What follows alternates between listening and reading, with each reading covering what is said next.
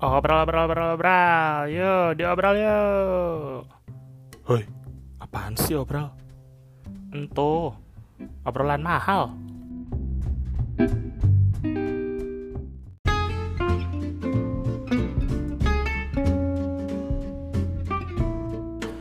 Halo, halo, halo, halo semua.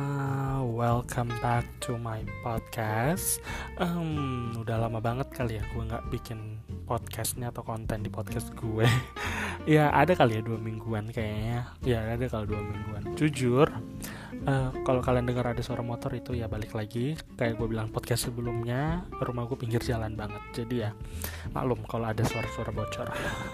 ya jujur balik lagi uh, memang akhir-akhir ini tuh gue agak disibukkan dengan pekerjaan-pekerjaan sih dan mood yang menurut gue tuh ngaruh banget sih jadi ya percaya atau enggak dalam berkarya tuh ya menurut gue mood itu tuh sangat penting banget buat uh, menciptakan suatu hal gitu ya. Baik apa pun itu baik lo mau menciptakan sebuah lagu menciptakan sebuah puisi novel apa pun atau seperti yang kayak gue lakuin ini mau ngangkat tema atau mau ngomong di podcast gue itu tuh harus ada mood yang menurut gue baik ya harus good mood lah in the good mood kayak gitu. Dan kebetulan karena minggu minggu-minggu ini tuh eh minggu-minggu kemarin sih ya minggu-minggu ini mah belum berjalan sih. Minggu-minggu kemarin tuh lagi hektik-hektiknya banget sama kerjaan ada yang urgent lah deadline lah dan semacamnya. Jadi pas selesai kerja tuh keburu exhausted duluan terus pas weekend rasanya cuman pengen tidur istirahat even though masih gue masih work from home gue belum balik ke kantor kayak gitu. Jadi kayak tetap aja gitu rasanya exhausted abis kerja uh, kemarin-kemarinnya. Dan ya udah hasil nggak dapet aja moodnya gitu. But thank God uh, hari ini today I get my mood back. Kayak uh, baru kepikiran juga ah ya udahlah uh, coba bikin lagi nih baru dapat moodnya. Terus habis itu akhirnya pikir-pikir mau tema apa ya yang gue bahas nih untuk podcast kali ini. Dan sesuai dengan judulnya rasis not me. Yang seperti kita tahu ya uh, akhir-akhir ini kan selain pandemi covid yang nggak tahu nih kapan ujungnya ya selesai-selesainya semoga cepat berlalu amin. Rasisme juga lagi muncul nih ke permukaan sosial media kayak uh, gue sering banget ngeliat entah itu di Instagram atau misalnya di sosial-sosial media lainnya itu tuh uh, apa namanya lagi up banget uh, masalah uh, apa namanya rasisme ini. Dan gue sedikit memiliki pengalaman terhadap rasisme juga sih. Jadi ya boleh yuk kita bahas. Tapi sebelum kita bahas uh, tema tentang rasisme ini, gue mau disclaimer dulu seperti biasa. Apa pun yang gue bahas di sini nantinya itu gue nggak uh, bukan mau memojokkan atau menyinggung suatu uh, kaum atau seseorang atau pihak mana pun enggak. Di sini gue bikin hanya un, uh, untuk fun dan memang sesuai dengan opini dan pendapat gue tanpa mau uh, memojokkan suatu pihak mana pun. Oke. Okay.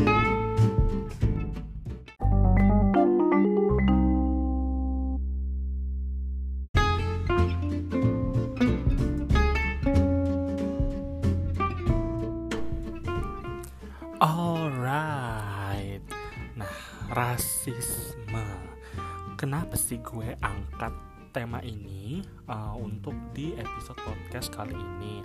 Ya, yang seperti kita lihat atau seperti kita ketahui kan akhir-akhir ini uh, beberapa berita di media sosial atau kita tuh disuguhi oleh berita-berita tentang seorang uh, warga kulit hitam di Amerika Serikat itu harus meregang nyawa karena tindakan kekerasan yang dilakukan oleh oknum-oknum yang gak bertanggung jawab. Jujur uh, gue tuh nggak tahu banyak tentang kasusnya dia ini karena dia cuma sering muncul aja tuh kayak di sosmed-sosmed yang gue pakai. Jadi ya uh, gue cuma tahu sebatas itu. Gue nggak tahu kisah sebenarnya tuh gimana si George Floyd ini tuh siapa terus kenapa dia bisa diadili uh, sampai kayak apa satu pihak kayak gitu. Nah itu gue nggak tahu. Nah kalau misalnya ada yang tahu uh, boleh nih share ke gue kisah awalnya tuh dari mana sih sampai itu tuh muncul yang uh, semenjak kejadian itu tuh kayak warga Amerika Serikat sendiri banyak yang merasa tersinggung terus merasa bahwa tindakan tersebut adalah tindakan anarkis dan rasisme karena ya itu tadi uh, warga kulit hitam yang diserang oleh beberapa oknum yang gak bertanggung jawab tadi itu kan. Terus sampai uh, timbullah perpecahan di beberapa kota di Amerika Serikat itu sendiri. Ya ada yang demo lah penjarahan pembakaran massal di mana-mana yang gue lihat di berita-beritanya ya dan sebagainya. Aduh makin aneh aja ini tahun 2020 ini. Nah terus uh, pas gue tahu nih ya tentang kasus gue eh tentang kasus gue tentang kasus ini uh, up gitu di sosial media gue tuh langsung keinget sendiri sama pelajaran waktu gue SMA yaitu pelajaran sosiologi. Nah kebetulan waktu SMA tuh gue dapetnya IPS jadi ya as you know uh, belajarnya itu tadi sejarah ekonomi sosiologi geografi dan uh, gue tuh paling inget banget sama pelajaran sosiologi karena gurunya tuh wow banget deh buat anak-anak Alpus 1 pasti eh, yang angkatan gue ya dan angkatan atas atas gue tuh pasti kenal sama guru sosiologi uh, legend kita kayak gitu. Nah itu tuh tapi gue lupa ya waktu itu tuh temanya apa? Kayaknya sih diskriminasi sosial atau apa gitu. Pokoknya intinya subtema di dalamnya itu adalah uh, rasisme kayak gitu. Oke tapi gue lupa uh, apa sih itu bahasa zaman sekolah? Kompetensi dasar ya gue lupa. Nah itu pokoknya gue lupa itu lagi bahas apa cuman di dalamnya itu uh, ada sangkut pautnya tentang rasisme. Nah seperti biasa, uh, gue nggak mau cuma asal ngomong kan di si di podcast gue ini. Jadi gue juga selalu membawa up teori-teori yang gue dapat baru nanti cerita. Menuju hal yang lain kayak gitu. Nah, dari teori yang gue dapat ini, uh, salah satunya adalah yang sudah pasti dari Wikipedia. Walaupun Wikipedia uh, ya so-so lah untuk dipercaya atau tidak.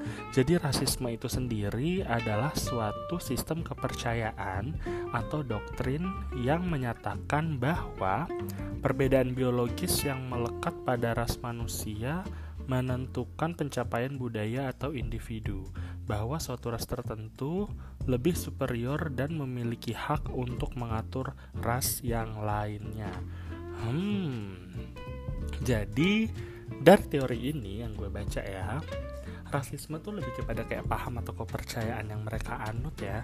Jadi kayak apa ya? Hmm, belum menjadi sebuah tindakan yang rasis ketika lo belum melaksanakan aksi gitu. Jadi menurut gue sorry kalau rasismenya itu sendiri tuh lebih kepada paham karena gue inget banget waktu gue SMA tuh gue belajar sosiologi bahwa kalau belakangnya itu isme-isme itu berarti artinya baru paham jadi baru sebuah uh, apa ya baru sebuah uh, kepercayaan atau teori yang dianut oleh seseorang gitu loh jadi rasisme itu sendiri adalah berarti uh, paham di mana orang berpikiran rasis kayak gitu. Nah, ketika baru sudah menjadi sebuah tindakan, barulah uh, tindakan tersebut disebutnya rasis kayak gitu. hmm, interesting. Jadi gue baru tahu sih ya sama hal ini kalau uh, apa namanya. Kadang orang suka bilang, rasisme, rasisme. Ternyata kalau lo belum bertindak itu belum menjadi sebuah rasisme gitu loh. Kalau selama masih jadi di pikiran nah gue nggak tahu sih ya mungkin uh, tapi ma dari mana ya kita tahu kalau misalnya orang tersebut itu uh, bersifat rasisme atau bukan? Kecuali mereka bercerita kan. Tapi sedangkan kalau misalnya mereka sudah bercerita atau uh, melakukan sebuah hal itu kan itu sudah menjadi sebuah tindakan. Interesting. Mungkin ada yang lebih pintar dari gue boleh sharing juga ke gue ya tentang hal ini. Nah tapi kalau uh, apa kalau gue inget-inget lagi nih ya ketika orang berbicara tentang rasisme lah atau rasis dan sejenisnya pasti nggak luput dari kata-kata stereotyping. Mungkin ada beberapa orang yang belum familiar dengan kata-kata stereotyping ini cuman mostly uh, gue udah sering mendengar kata-kata stereotyping ini dari zaman SMA karena ya balik lagi gue belajar di sosiologi pun juga dapat teori tentang stereotyping ini. Nah awalnya gue juga cukup uh, bingung sih. Maksudnya stereotype itu lebih kepada apa sih? Lebih kepada uh, kayak gimana gitu loh penjelasannya. Nah, buat yang belum tahu, uh, sama sumbernya dari Wikipedia juga yang gue dapat karena gue mau gampang aja uh, stereotype itu adalah penilaian terhadap seseorang hanya berdasarkan persepsi terhadap kelompok di mana orang tersebut dapat dikategorikan Stereotype merupakan jalan pintas pemikiran yang dilakukan secara intuitif oleh manusia untuk menyederhanakan hal-hal yang kompleks dan membantu dalam pengambilan keputusan secara cepat. Dan um, eh sorry tapinya yang gue tahu ini stereotip sendiri tuh nggak melulu tentang hal negatif. Jadi ada dua stereotyping positif dan stereotyping negatif. Nah jadi uh, biar gampang kali ya stereotip itu tuh kayak gimana uh, gue kasih contoh deh. Tapi by the way ini no offense ya gue balik lagi nggak menyinggung pihak mana pun gue juga nggak uh, berpihak di salah satu pihak. Ini sama, hanya sebagai sebuah contoh. Contoh misalnya kayak uh, pikiran orang bahwa orang Padang tuh pelit. Terus misal orang Jawa tuh orangnya kalem-kalem. Terus misalnya oh anak-anak yang kuliah di Fakultas Ilmu Sosial Ilmu Politik di FISIP tuh orangnya gaul-gaul. Terus anak yang kuliah di ilmu komputer atau matematika MIPA itu orang-orangnya nerd. Nah ya yang kayak gitu-gitulah intinya. Yang kayak misalnya ya pokoknya intinya seperti itulah. Uh, itu namanya stereotyping. Ketika lo mengelompokkan suatu kaum uh, atas apa yang lo lihat. Jadi lo menilai orang based on general gitu. Eh, iya kali ya mungkin menurut gue seperti itu ya. Padahal kan belum tentu contoh kayak nggak semua orang Padang pelit ya semua orang Jawa kalem. Kayak I have a friend dia Javanese dan dia nggak kalem gitu. Terus ya nggak nggak melulu nggak melulu seperti apa yang di stereotyping kan kayak gitu. Nah jadi ya simpelnya seperti itu. Nah ayo siapa yang sering kali kayak begitu? Kalian-kalian di antara uh, pendengar-pendengar podcast gue? Jujur gue juga pernah sih melakukan hal itu tanpa disadari. Dan mostly itu karena cuma bercandaan karena tahu lah artinya ternyata stereotyping itu seperti itu. Nah terus uh, kalau dilihat-lihat ya jadi sebenarnya tuh artinya tuh mirip-mirip dengan prasangka ya. Karena kan itu adalah sebuah pikiran yang muncul di pikiran kita karena menilai sebuah uh, golongan. Seperti itu. Tapi ternyata yang gue tahu stereotype prasangka sama diskriminasi itu tuh beda loh gengs. Gue baru tahu uh, pas gue ya sekolah itu tadi. Terus makin dikuatkan lagi ketika gue ya hidup sekarang gitu. Nah terus uh, kalau balik lagi waktu SMA tuh jujur kenapa gue susah mengerti? Karena sosiologi itu selain lo belajar tentang sosial tentang apa sosiologi itu sulitnya buat gue itu karena lo juga sekaligus kayak belajar KBBI gitu. Karena imbuhan belakangnya beda aja itu bisa jadi beda arti. Contoh misalnya kayak gue bilang rasisme rasialis itu tuh beda kalau lo belakangnya isme sama is gitu loh. Terus apalagi ya? Ya begitulah pokoknya uh, gue ingat banget kata guru-guru gue itu tergantung belakang imbuhan belakangnya itu tuh menjelaskan sebuah artinya gitu. Nah itu pokoknya pusing banget nah oke okay, back to topic. Jadi yang gue dapetin di sini adalah prasangka itu adalah sikap kepercayaan perasaan dan judgement negatif terhadap suatu kelompok dan seluruh anggota kelompoknya.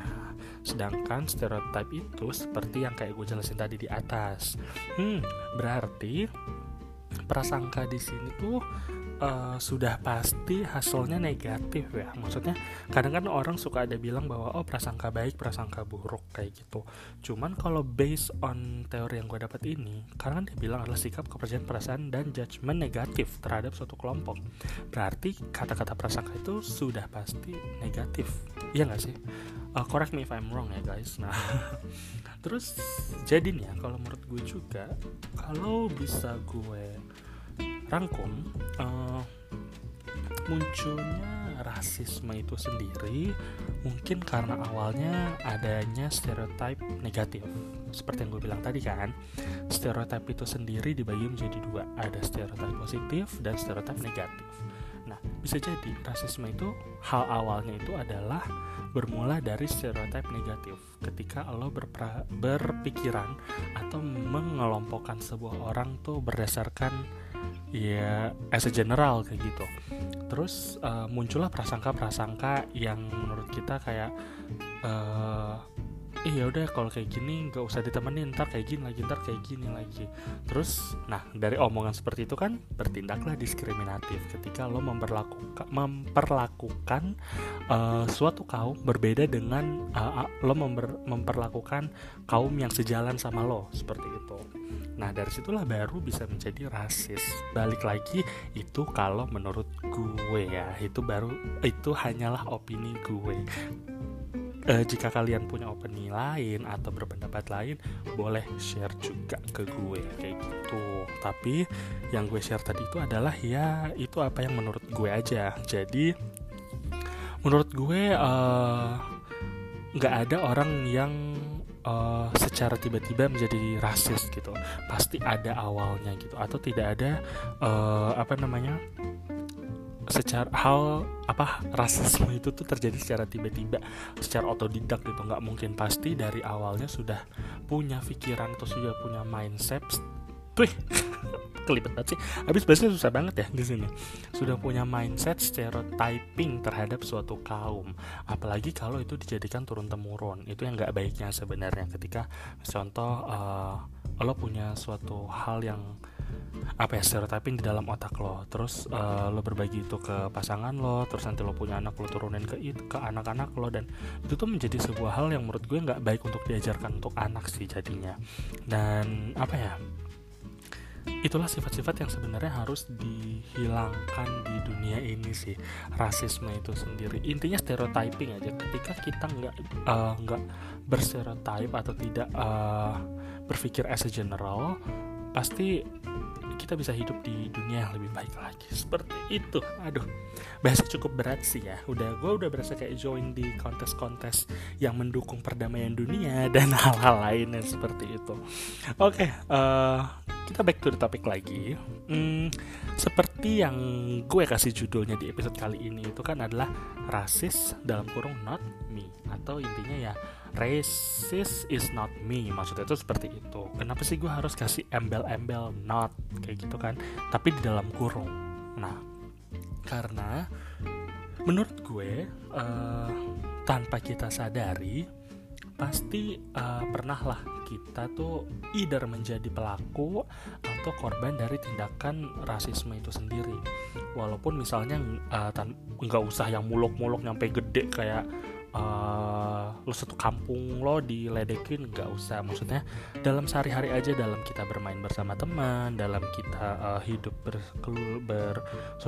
dengan sahabat-sahabat itu pasti adalah kita either menjadi korbannya atau bertindak diskriminatif dan rasis terhadap orang-orang. Seperti itu. Tanpa kita sadari gue yakin sih ada. Gue yakin ya jangan simple thingnya lo berstereotype deh. Berstereotype itu pasti ada sih dalam otak lo kalau menurut gue. Nah begitupun juga dengan gue. Gue juga nggak luput dari namanya juga manusia ya nggak luput dari kesalahan. Dan pikiran-pikiran itu tuh pasti pernah muncul di dalam otak gue. Nah uh, karena kalau dari tuh dali. Kalau dari pengalaman gue gue sendiri itu kan kalau buat teman-teman gue yang kenal gue ya dan yang tahu gue uh, gue itu kan tumbuh dan kembangnya itu di keluarga yang bisa dibilang uh, homogen. Uh, ya pertama contoh orang tua gue bokap nyokap gue itu dari satu suku yang sama sama-sama orang Bugis sama-sama orang Sulawesi Selatan. Di saat teman-teman gue yang lain misalnya contoh ada yang bapaknya Jawa ibunya Sunda atau yang bapaknya Batak ibunya Betawi ya yang macam-macam lah atau yang uh, bapaknya Batak ibunya Manado seperti itu. Yang intinya mereka hidup di dalam sebuah lingkungan yang heterogen. Nah sedangkan gue dari kecil ya bokap nyokap gue orang Bugis yang mau diapakan lagi. Jadi ya di dalam satu lingkungan keluarga kita Ya semuanya itu hanyalah berkutat dengan keluarga-keluarga Bugis gitu kan. Bahasa juga cuman bahasa Bugis yang bokap nyokap uh, ngomong gitu loh. Selain bahasa Indonesia ya maksudnya dari segi bahasa daerahnya. Kayak gitu. Terus uh, apa namanya? Ya itu tadi kalau dari segi keluarga. Terus kalau dari segi lingkungan tetangga atau lingkungan hidup lingkungan hidup kata alam. Lingkungan apa ya? Bersosialisasi bertetangga lah. Itu rata e, rata-rata tetangga gue tuh dikelilingi sama orang-orang Jawa. Di komplek perumahan gue itu tuh uh, rata-rata orang yang tinggal adalah orang Jawa yang merantau ke DKI untuk bekerja. Ke, ke DKI ke ibu kota untuk uh, bekerja. Karena sebentar lagi Jakarta itu kan sudah katanya sudah udah tidak menjadi ibu kota lagi. Jadi gue bilang ibu kota seperti itu. Uh, ya udah karena itu tadi kan selain orang Jawa baru gue berpikir bahwa oh selain orang Bugis ternyata di Indonesia ini ada juga orang Jawa gitu. Waktu kecil ya. Terus uh, yang gue bi bisa bilang lagi kenapa gue lingkungannya cukup homogen bukan cukup sih ya malah homogen banget gitu. Karena pertama uh, selain tuh apa sih gue ngomongnya? Uh, dari TK sampai SMA kan gue juga uh, apa ya sekolahnya sama gitu loh. Nggak nggak ganti-ganti dan nggak pindah-pindah di sekolah khusus yang memang semuanya itu mengharuskan uh, kepercayaannya itu adalah seorang muslim. Nah itu gue di sekolah swasta yang memang isinya tuh anak-anaknya semuanya beragama Islam. Kayak gitu itu pun gue hadapi dari TK nyampe SMA nah ya udahlah uh, homogen banget kan tuh hidup gue. Udah keluarga gue bokap nyokap gue sama-sama orang Bugis terus juga tetangga-tetangga gue rata-rata orang Jawa terus juga sekolah gue dari kecil dari TK nyampe SMA di sekolah itu itu terus nggak berubah-berubah jadilah uh, waktu kecil sih ya waktu kecil uh, pikirannya masih cukup sempit. Namanya juga anak kecil sih ya kalau menurut gue dan apalagi kan anak kecil itu rasa ingin tahunya cukup banyak ya. Dan karena mungkin juga karena waktu gue kecil ini cerita lain lagi uh, waktu gue kecil itu tuh gue jarang bergaul lah dengan orang lain gitu. Ya gue bergaul cuma di lingkungan lingkungan gue doang. Kalau di sekolah gue ya temenan sama teman gue yang di sekolah gitu yang notabene-nya sama kayak gue memiliki kepercayaan yang sama kayak gue. Terus juga kalau di rumah mainnya juga sama teman-teman tetangga-tetangga deket gue doang yang memang udah main dari kecil. Jadilah gue uh, waktu kecil tuh berpikiran dan beranggapan kalau uh, oh gue harus temenan sama orang yang punya keyakinan yang sama kayak gue. Karena kan uh, gue juga dilahirkan uh, sama orang tua gue yang memang agamanya sama gitu kebetulan. Jadi gue berpikir di situ awalnya sih gue berpikir bahwa oh ya udah berarti gue cuma bisa temenan sama ini. Karena di sekolah gue ya teman-teman gue semua muslim kayak gitu. Terus juga gue berpikiran bahwa oh orang Indonesia itu berbahasa dan berbudaya Jawa. Karena lingkungan gue kan sekitarnya orang Jawa dan apalagi waktu kecil kan tidak banyak pindah-pindah ya. Maksudnya uh, gue dari lahir uh, itu tuh ya udah stay di Jakarta uh, nggak pindah-pindah kota gitu sedangkan banyak temen gue misalnya oh, orang tuanya dipindah dinas nih ke sini jadinya ikut ke sini ke sana ke kota A kota B jadi menurut gue itu jadi lebih heterogen ya lebih apa ya open minded menurut gue nah di saat gue yang nggak bisa seperti itu jadilah gue beranggapan seperti itu bahwa orang Indonesia itu berbudaya dan berbahasa Jawa. Waktu kecil gue berpikiran seperti itu. Dan yang ber paling parahnya lagi nih ya. Yang paling parah lagi menurut gue uh, inget ya para pendengar ini waktu gue kecil bukan sekarang. Gue beranggapan uh, kalau cewek yang gak berkerudung itu bukan muslim. Karena yang gue tahu apalagi kan sekolah gue mengajarkan bahwa wanita itu wajib berjilbab dan seragam sekolah gue juga ceweknya itu uh, kerudungan diwajibkan untuk kerudungan seperti itu. Nah dan ya itu tadi itu kan semua pikiran gue tuh kecil. Dan itulah cuman hanya pikiran gue gitu loh. Kayak namanya anak kecil pikirannya ke mana-mana nggak sih? Ngawang-ngawang kayak oh ini begini oh ini begini. Dan nggak ada pengaruh dari pihak mana pun atau embel-embel dari orang tua yang ngajar nggak bener tuh enggak enggak sama sekali. Orang tua gue tuh cukup orang yang terbuka sebenarnya setelah gue lihat setelah gue uh, sadar akan hidup ini jadi gue eh, nggak uh, pernah didoktrin sama orang tua gue bilang jangan temenan sama ini jangan enggak itu karena pure gue mungkin ditaruh di sebuah lingkungan yang menurut gue cukup homogen. Jadilah gue berpikiran seperti itu. Dan jadi jangan pernah nantinya ada pikiran bahwa ya itu tadi uh, karena orang tua gue yang hasut lah atau apalah nggak no. Terus uh, kayaknya tuh bertahan sampai gue SM SMP deh kalau nggak salah SMP awal-awal. Jadi uh, bermulanya bermulanya itu tuh gue jadi kan orang tua gue tuh suka banget ngikutin gue kursus apa pun itu entah itu kursus matematik lah kursus uh, musik lah kursus bahasa Inggris lah yang ya namanya juga nama, namanya juga orang tua zaman dulu pasti pengen anaknya uh, sukses gitu dari orang tuanya. Ketika misalnya orang tua nggak bisa A dia pasti pengen anaknya jadi A. Jadi waktu itu tuh orang tua gue memang nggak bisa bahasa Inggris.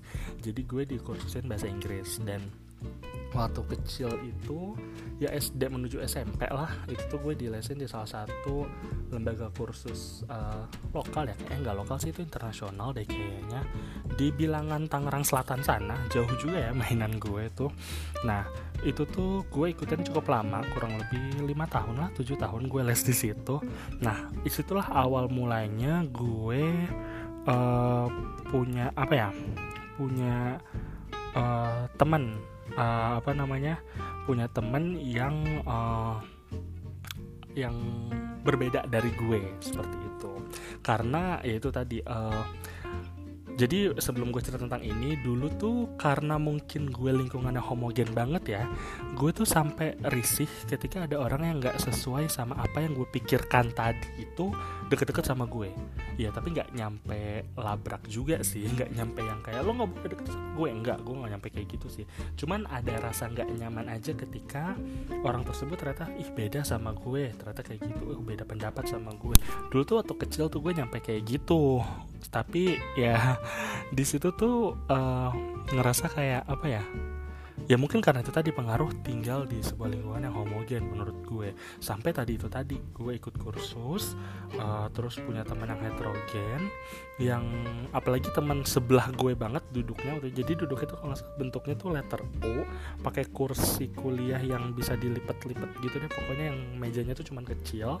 Terus tuh uh, itu tuh letter sebelah gue orang yang berbeda dengan gue nah di situlah baru uh, apa namanya pandangan gue berubah. Oh ternyata nggak segininya. Oh ternyata uh, di Indonesia itu nggak seperti apa yang gue pikirkan selama ini kayak gitu. Jadi ya kayak oh ternyata Indonesia tuh beragam. Oh ternyata hidup ini tuh nggak cuman ini ini doang. Ternyata banyak orang yang nggak satu visi misi atau satu keyakinan dengan lo seperti itu.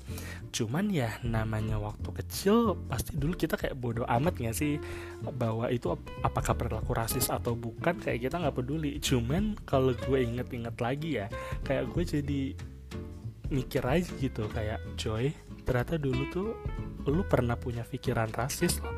Kayak ya itu tuh rasis sebenarnya menurut kalau menurut teori yang gue baca tadi ya. Cuman ya waktu kecil kayak apa ya? Pasti kayak yang nggak mikir aja gitu kayak nggak ada pikiran bahwa wah ini rasis bla bla bla. Kayak ya namanya juga anak-anak kan ya. Terus uh, ada lagi cerita waktu gue kecil ya. Waktu gue apa namanya uh, hidup di sebuah lingkungan gue ini di tetangga ya biasalah main-main sama teman-teman gue. Kalau nggak salah tuh waktu gue SD kelas 3 apa kelas 4 kelas 3 lah kalau nggak salah. Itu tuh lagi main dan kebetulan pas itu tuh lagi uh, bulan puasa. Dan namanya bulan puasa ya udah dong ya kita berpuasa tapi kan namanya anak kecil tetap mau main gitu loh di luar. Kayak apalagi di jam-jam ya jam 3 jam setengah 4 tuh abis asar lah pasti uh, sambil menunggu waktu buka pasti anak-anak lebih suka main di lapangan. Apalagi seger kan udah mandi udah dibedakin gimana sih tuh.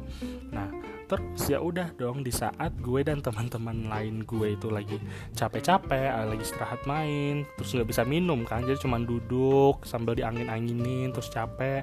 Terus ada salah satu teman gue yang notabene-nya ya awalnya gue belum tahu lah kalau dia berbeda gitu. Terus dia ujuk-ujuk bawa minuman plastik yang kayak teh botol diplastikin gitu loh. Tapi bukan teh botol sih sebenarnya. Oh ya pokoknya minuman lah terus diplastikin terus es lagi. Ya lo sebagai orang yang berpuasa gimana enggak? Kayak ih enak banget tuh kayak seger. Dan dia minum lah di depan kita gitu kan. Terus situlah uh, di situ gue tanya lah kayak eh kok lo nggak puasa sih? Dan dia cuman bilang kayak uh, kan emang aku nggak puasa kayak gitu. Terus uh, ya udah di situ namanya anak kecil kalau lo ngerasa beda dari yang lain apalagi kan teman-teman lo yang lain lo berpuasa terus ngeliat cuma satu orang tuh kalau dia nggak puasa gitu. Dan di situ tuh langsung yang lain kayak ih parah nggak puasa. Kayak ledakan anak kecil gimana sih? Kayak ih parah nggak puasa nggak puasa ih parah. Terus sambil diteriakin lagi eh si ini nggak puasa nih parah kayak gitu terus ya udah ujung-ujungnya dia tuh sampai nangis dan hal yang gue inget tuh pokoknya uh, gue cuma ditarik pulang sama nyokap gue terus habis itu gue dimarahin tanpa tahu sebabnya apa itu gue yang paling ingat sih nah uh, tapi kan ya udah itu balik lagi ke pikiran gue yang mengatakan kalau kalau bulan Ramadan itu semua orang harus berpuasa. Dulu kan memang pengajarannya seperti itu.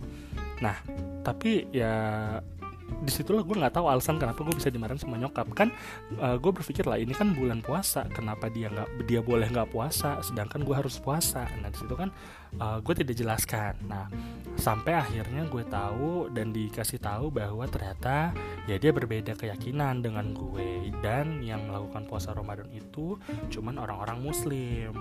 Oh ya udah di situlah baru gue tahu ternyata oh dia beda keyakinan sama apa yang gue percayai seperti itu.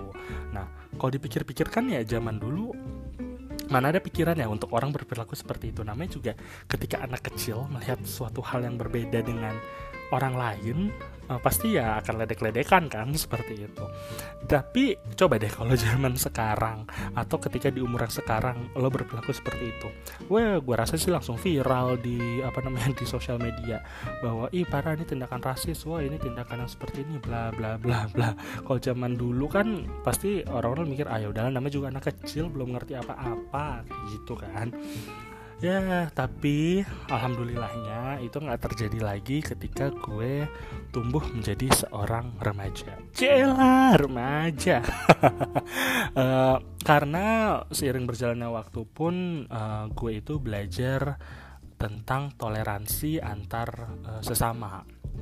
Dulu tuh kalau nggak salah gue dapet mata pelajaran tentang eh sorry mata pelajaran tema tentang toleransi itu di mata pelajaran agama Cuman kalau menurut gue ya, kenapa harus dimasukkan ke pelajaran agama ya waktu itu toleransi.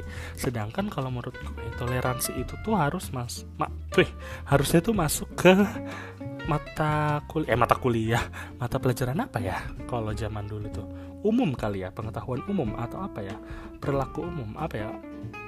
gue lupa deh tentang pelajaran yang pokoknya mengatur perilaku orang gitu ppkn atau bukan pokoknya lupa pokoknya intinya menurut gue tuh nggak tidak seharusnya diajarkan di pelajaran agama. Walaupun memang semua agama mengajarkan untuk toleransi tapi menurut gue itu adalah sebuah hal yang wajib dimiliki oleh semua orang gitu. Nggak cuma segelintir kaum doang kalau menurut gue. Nah terus apalagi kan waktu gue kuliah gue join ke sebuah organisasi yang sangat amat heterogen.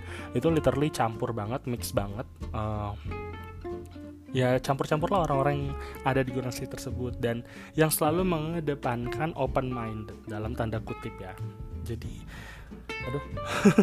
Jadi ya gue ngerasa bahwa toleransi itu harusnya dimiliki dan dijalani oleh uh, semua umat manusia gitu loh. Nggak cuman uh, ya itu segelintir orang doang dan harusnya ya itu tadi menurut gue harusnya itu di pelajaran umum ya.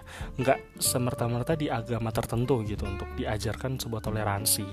Ya seperti itu sih kalau menurut gue.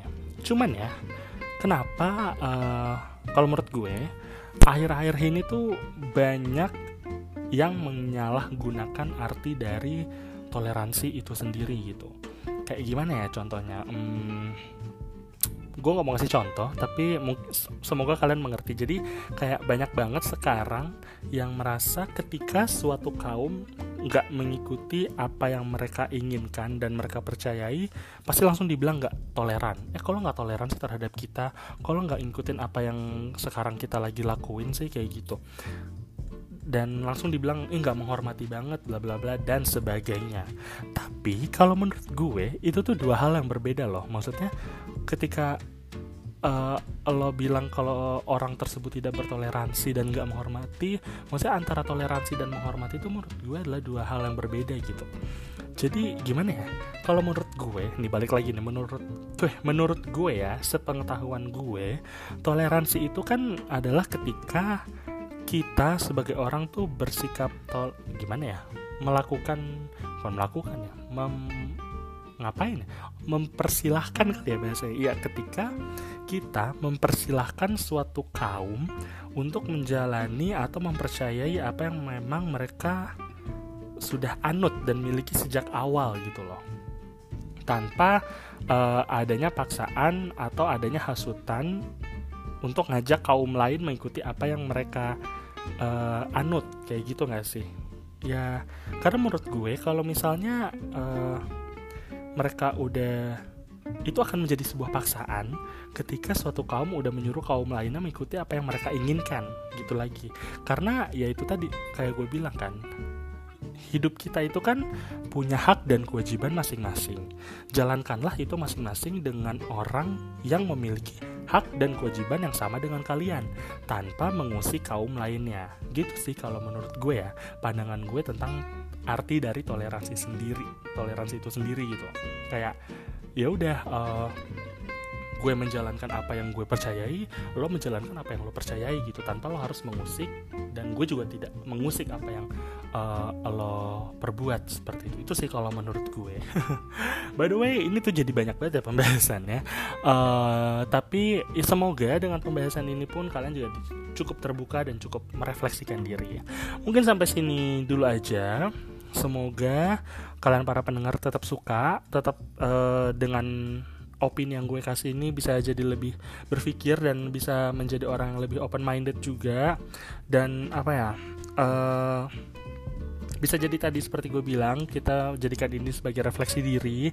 Ayo coba kita pikir lagi pernah nggak ya kira-kira kita berperilaku rasis terhadap orang atau terhadap sebuah uh, kelompok tanpa kita sadari. Ya, apa pun itu, semoga kita bisa menjadi pribadi yang lebih baik lagi ke depannya dan mm, bisa hidup damai tanpa mencela atau mengusik kaum mana pun. Karena itu tadi balik lagi kan kita tinggal di negara yang motonya sendiri itu adalah bineka tunggal ika, berbeda-beda tapi tetap satu. Itu yang selalu gue inget banget. Uh, dari apa tentang negara kita. Seperti itu. Alright, so guys, uh, sampai sini aja episodenya. Thank you so much for listening. Jadi uh, udah ya. See you soon in the next episode and bye bye. Thank you.